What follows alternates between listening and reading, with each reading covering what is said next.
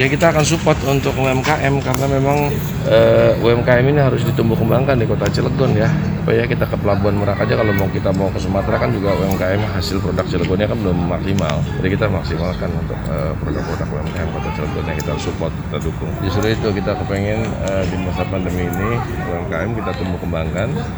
Tadi saya juga bilang kalau bisa bikin kue-kue yang baik untuk kita rapat-rapat di industri kita sarankan. Pemda juga kan bisa kita sarankan agar mereka mereka bisa produknya ada.